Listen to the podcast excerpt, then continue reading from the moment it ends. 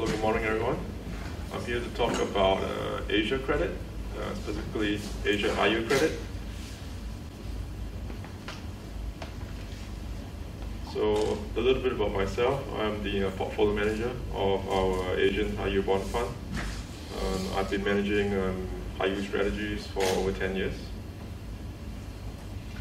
And of course, you know, when we talk about Asia, there's always a lot of uh, focus on China. So I'm going to cover a lot of uh, China, you know, from both from a macro perspective and also from a fundamental perspective today. So what is the opportunity in Asia? Uh, you know, one of the reasons is because Asia has most of the world's population, over 50%, 60% of the world's population. And in addition to that, you know, it is one of the fastest growing regions in the world in terms of uh, GDP growth. And besides that, you know, there is uh, very rapid urbanization going on in Asia right now. A lot of uh, the uh, high GDP growth rate is translating into uh, a rapidly growing middle class population, which is uh, going to drive a lot of consumption in Asia. And as you can see from this chart, you know, most of the major Asian economies are growing between 5 to 8% GDP growth rate. Okay, and if you compare to the developed markets, such as the US and the Euro area, they are growing at about 2% you know, GDP growth rate. So even if you have a bad year in China, you know, you might grow at 5 6% GDP growth rate, it is still much higher, more than double that of a good year in the US. And that is why you know, there is uh, still a lot of opportunity in um, Asia credit despite China you know, um, expected to go through a slowdown. So China used to be the production facility of the world. Now that has changed you know, over recent years because um, the, uh, the income levels of Chinese um, citizens they have grown significantly. And now a lot of the production in China has actually is being actually consumed in China. So this is an overview of uh, the macro factors or the, the, macro statistics of China. The, um, for the past, um, between 2011 to 2016, the average GDP growth rate is 7.7%. So in 2017, it slowed down to 6.9%. And in 2018, we think China is going to slow down to about 6.5%. That is, uh, you know, we think it's perfectly normal because China has uh, transitioned from a developed economy during this period of time to from, from a developing economy during this period of time to a more developed economy, you know, um, in recent years. So as a country, you know, becomes more developed, it's natural for the GDP growth rate to slow down. Okay, and for this year, you know, the uh, one of the major topics has been the U.S.-China trade war. So if you want to, you know, analyze how much the impact of a trade war is on China. The, um, if you look at the statistics, you realize that exports to US, although it comprises about 23% of China's total exports, as a percentage of China's GDP, it only comprises 4.2% of China's GDP. So even if you slap a 25% tariff on all Chinese goods, you know, the maximum possible impact on China's GDP will be 1%.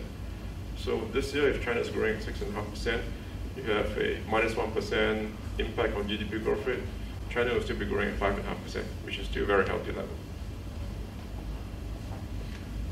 So this is the more detailed analysis on you know the different scenarios of a trade war with the US. So this is if China doesn't retaliate, and U.S. You know, implements tariffs on all 517 billion of Chinese exports at a 25% tariff rate. Okay, and China doesn't retaliate. It doesn't slap any tariff on U.S. exports, and it doesn't depreciate its currency. The GDP impact will be minus one percent.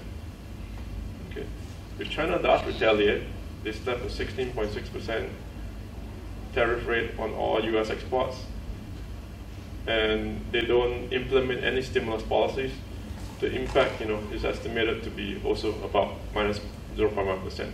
We think the most likely case will be China will, will retaliate to a certain extent, maybe about 16.6% tariff on all U.S. exports. Okay, but they will implement some policy measures to stimulate the economy, such as tax rate cuts, you know, such as um, additional government spending, and they will also depreciate the Chinese uh, yuan by about, you know, 8%. If you factor all this into consideration, the impact on US, on uh, China's GDP growth rate will be about 0.6%. So if you deduct 0.6% from this year's GDP growth rate of 6.9%, you will get a GDP growth rate of 5.9% for China next year. So that is still a very good GDP growth rate for China. So, you know, looking at these numbers, you know, personally, I think that, you know, the, the impact, the um, impact of trade war on China has been overemphasized. The, the real impact is not going to be as serious as uh, what a lot of people think it's going to be although it is still you know, a relatively um, significant impact. So since the um, trade war escalated with uh, the US, the Chinese government has implemented a lot of policy changes uh, in the second half of 2018. One is, you know, they start to loosen controls on local government financing. So it allows a lot of local governments to start to build um, selective uh, infrastructure um, projects in uh, regions that need those uh, developments. It has started to cut personal income tax rates. Um, one was implemented in October. The next one will be effective in uh, January of next year. This year, China has uh, the reserve requirement ratio for banks, you know, four times already, and that has released about RMB 2.8 trillion of liquidity into the financial system. They have also allowed foreign companies to own increased stakes in uh, in their uh, local joint ventures with uh, local companies, and that has brought in additional equity capital into China. Okay, they have raised the VAT rebate for exporters to um, cushion the impact of uh, U.S. tariffs, and they also they have also increased market access for multinational companies to attract more foreign companies to invest in China. So that brings in additional capital. So this is, you know, the um, expected impact of uh, of the um, tax cuts at the personal income level on Chinese households. So after the first phase of the tax cut, which is effective on the 1st of October, it has already increased the disposable income of middle class households by about 8% on average. Okay, the second phase will be effective January 2019, and cumulative together with the first phase is going to increase the disposable income of middle class households by about 10%. So it is very significant um, stimulus for Chinese households. And if you look at the percentage of middle income um, households that don't pay income taxes after the tax rates, after the first phase tax cut, you know, previously it used to be 7.5%. After phase one, it'll be 20% that's not paying taxes. And after phase two, it's going to be about 58% that doesn't pay taxes. So, you know, you, you're going to have a lot of impact uh, on uh, the expenditure, uh, spending power of Chinese households. So whenever we talk about China, there's always a lot of uh, emphasis on uh, Chinese property, okay? And um, it has always been the case since you know many years because uh, it is a very big sector in the Chinese economy. The direct contribution of the Chinese property sector to the Chinese GDP is about 10%, but if we include the indirect contribution to the GDP through you know construction work, through renovation work, through sales of household items that you know families would buy if they were to you know buy a new property that would increase to about 30%. And that is why, you know, whenever there is a slowdown in the Chinese property market, the government always intervenes with policy measures to um, control the slowdown, you know, to make sure that there is no crisis in the property sector. And in China, the property sector is a very systemically important sector just because you know it comprises so much of the GDP, and also you know a lot of household net worth is tied to uh, their property um, ownership, and also you know through uh, mortgage loans, you know um, the balance sheets of banks are also very um, linked to uh, the property sector, and that's why the Chinese property sector will always be a very systemically important sector for China. So as you can see from this slide, you know, the inventory of property in China is now quite low actually. It was high in uh, 2011 and in 2014, and uh, that was when you know um, the government implemented policies also to slow down the um, the bubble, and then it's led to a correction in the inventory. And now you know for both across tier one, tier two, and tier three cities, the inventory is now very healthy. It's about 10 to 11 months of um, sales. Okay, and if you look from you know the gross floor area sold for China property, the growth has slowed down since 2016 because of uh, very strong price growth in 2016. You know the government has implemented measures to slow down the Chinese property market, and so you know this the slowdown in growth, you know, it slowed down from 23% in 2016 to 7% in 2017, and in 2018, the year-over-year growth is only 1%. And with these numbers, and then with the um, inventory numbers for Chinese property, we don't think it's anywhere close to you know a situation of having a bubble in the Chinese property market. So overall, you know, fundamentals are quite supportive for the Chinese property market. And if you look at you know um, the affordability of Chinese property, when you look at both the household balance sheet and also you know the size of the property market, you can see that you know there is a lot of savings to continue to support the sales of Chinese property market. Chinese consumers they have in total about 70 trillion RMB of savings, and annually this savings increased by about 6 to 7 trillion RMB. And the annual sales of the property market is about 10 trillion RMB.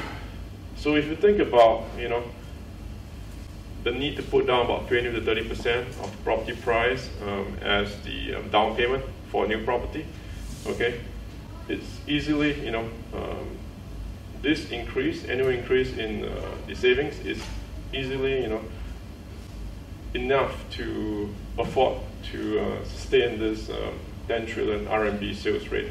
So we think you know the Chinese property market sales annual sales is very sustainable. And the other thing about China, you know, is that a lot of people always focus on the on the amount of debt in the uh, Chinese uh, financial system. It is quite high when you look at it in totality. The total debt to GDP is about 260 percent. Okay, it is. Uh, about the same level as that as that of some developed nations such as, such as Japan. Okay, but most of the debt is at the corporate level.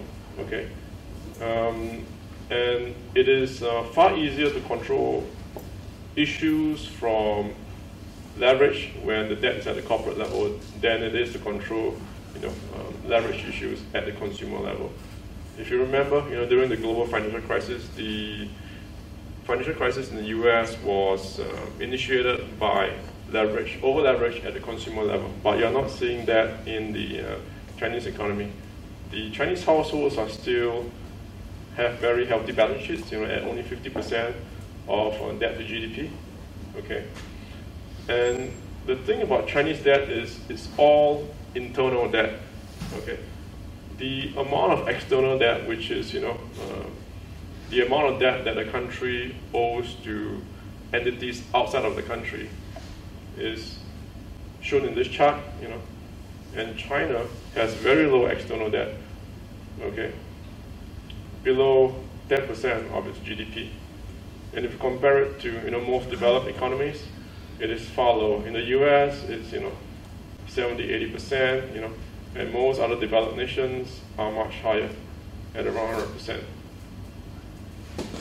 And if you look at China's debt from a perspective of net international investment position, so basically it is a, the netting of the um, company's uh, debt com, uh, compared to the amount of uh, debt that other countries owe this country, which is a, a true reflection of their um,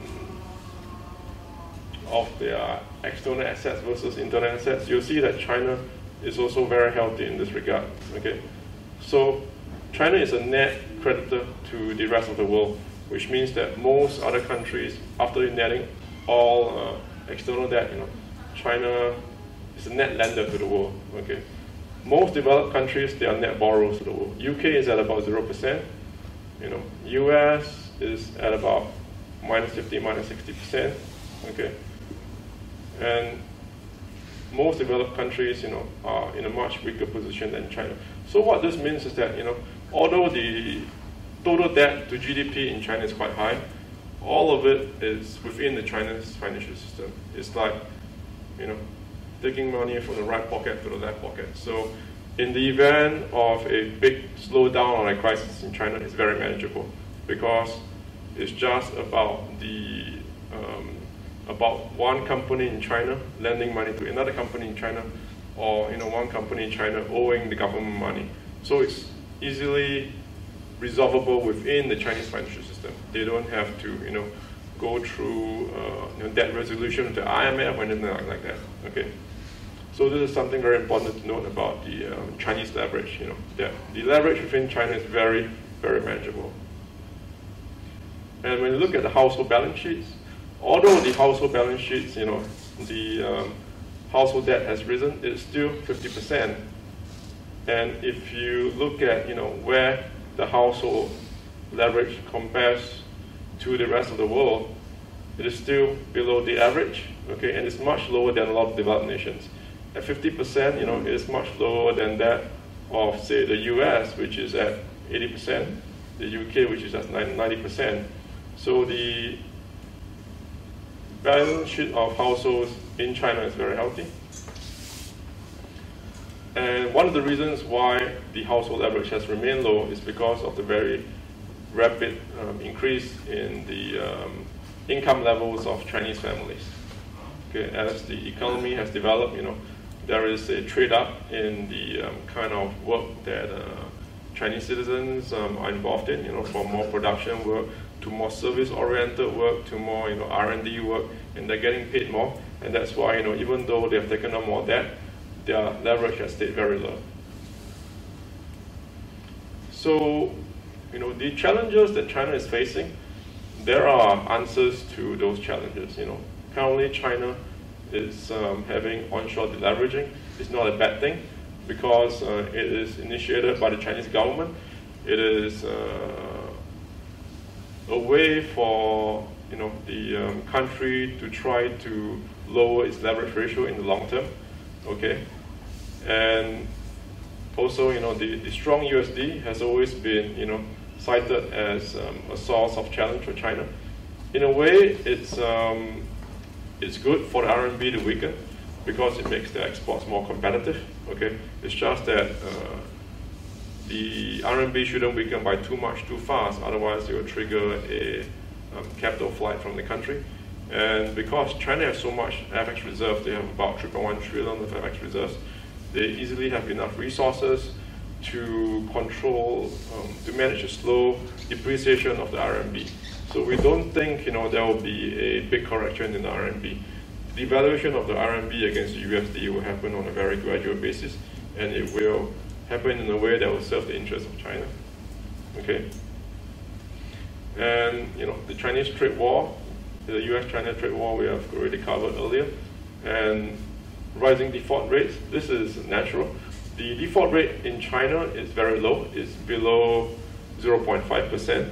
It is uh, artificially low. So it's good um, for the default rate to actually increase because it will price the cost of funding more um, realistically in China, and it will stop, you know, um, zombie companies from being able to roll over their debt because credit is being priced uh, correctly. So now I will touch a little bit on the um, Asia high yield um, debt market. So what I'm going to talk about is all the, uh, the hard currency um, Asia, the USD denominated bonds. So for this market, you know, the uh, market has grown significantly, you know, and right now it is at about 900 billion dollar market, including both the investment grade and the high yield market. It is bigger than the US high yield market, which is at 760 billion, and the European high yield market, which is at 320 billion. So, you know, now at this size, you know, it is a very important asset class in fixed income globally, and it's an asset class that most investors should think about seriously if you are looking to have a diversified portfolio of investments. So this is the um, makeup of the Asia credit market.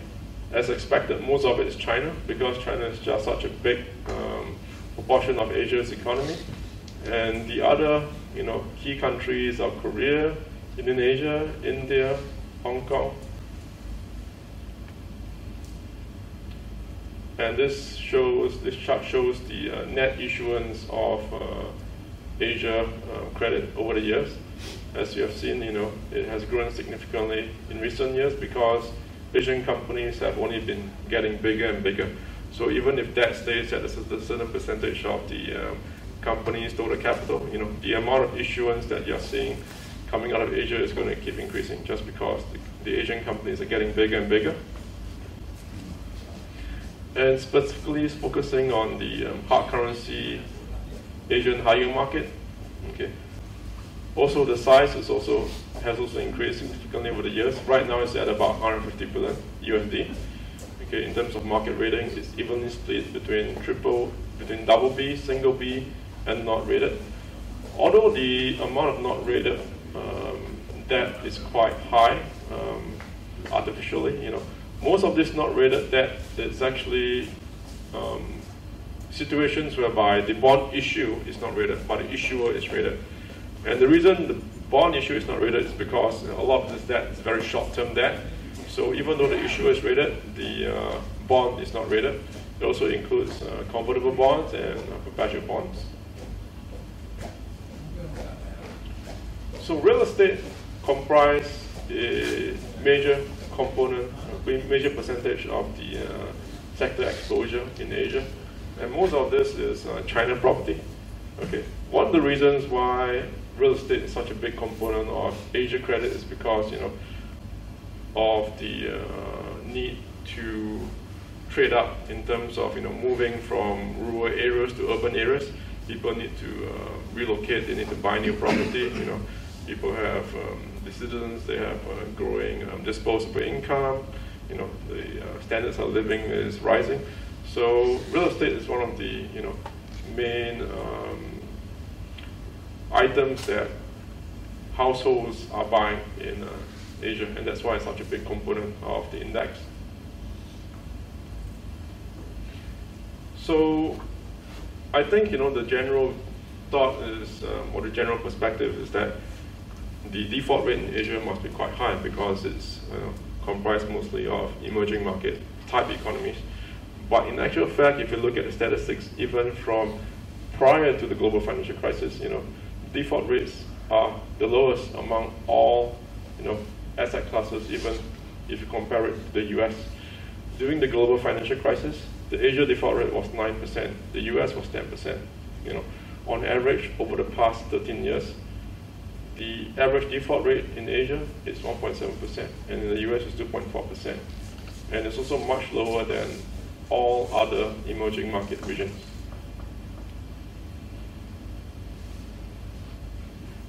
So one of the things that has changed in Asia is, um, you know, the increasing amount of um, local investors that are owners or holders of uh, Asian bonds.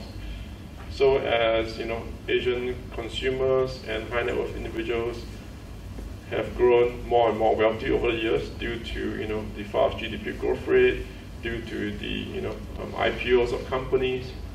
They have started to become a more and more um, important investor class in uh, Asia credit.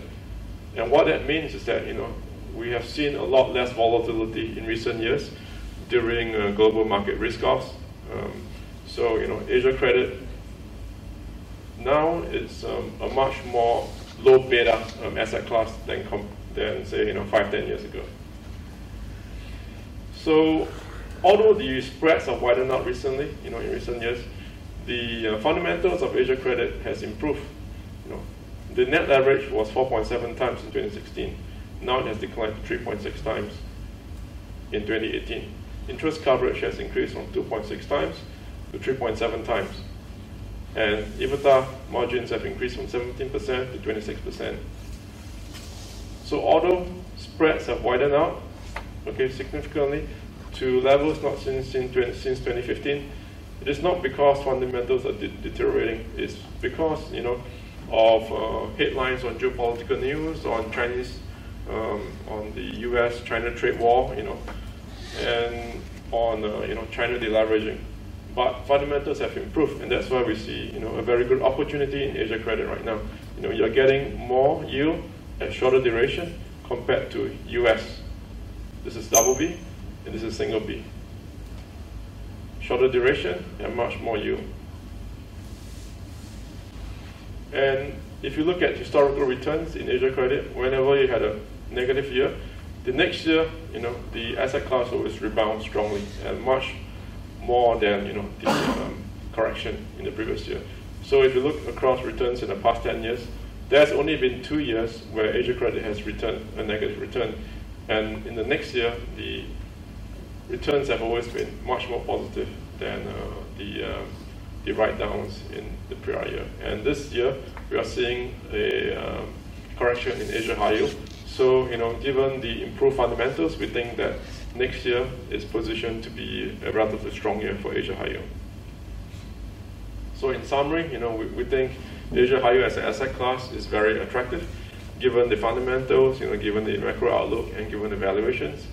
And given that you know Asia high yield is such a big asset class, you know, when compared to the rest of the uh, credit markets these days, you know, we think that it's a asset class that you need to seriously consider going forward.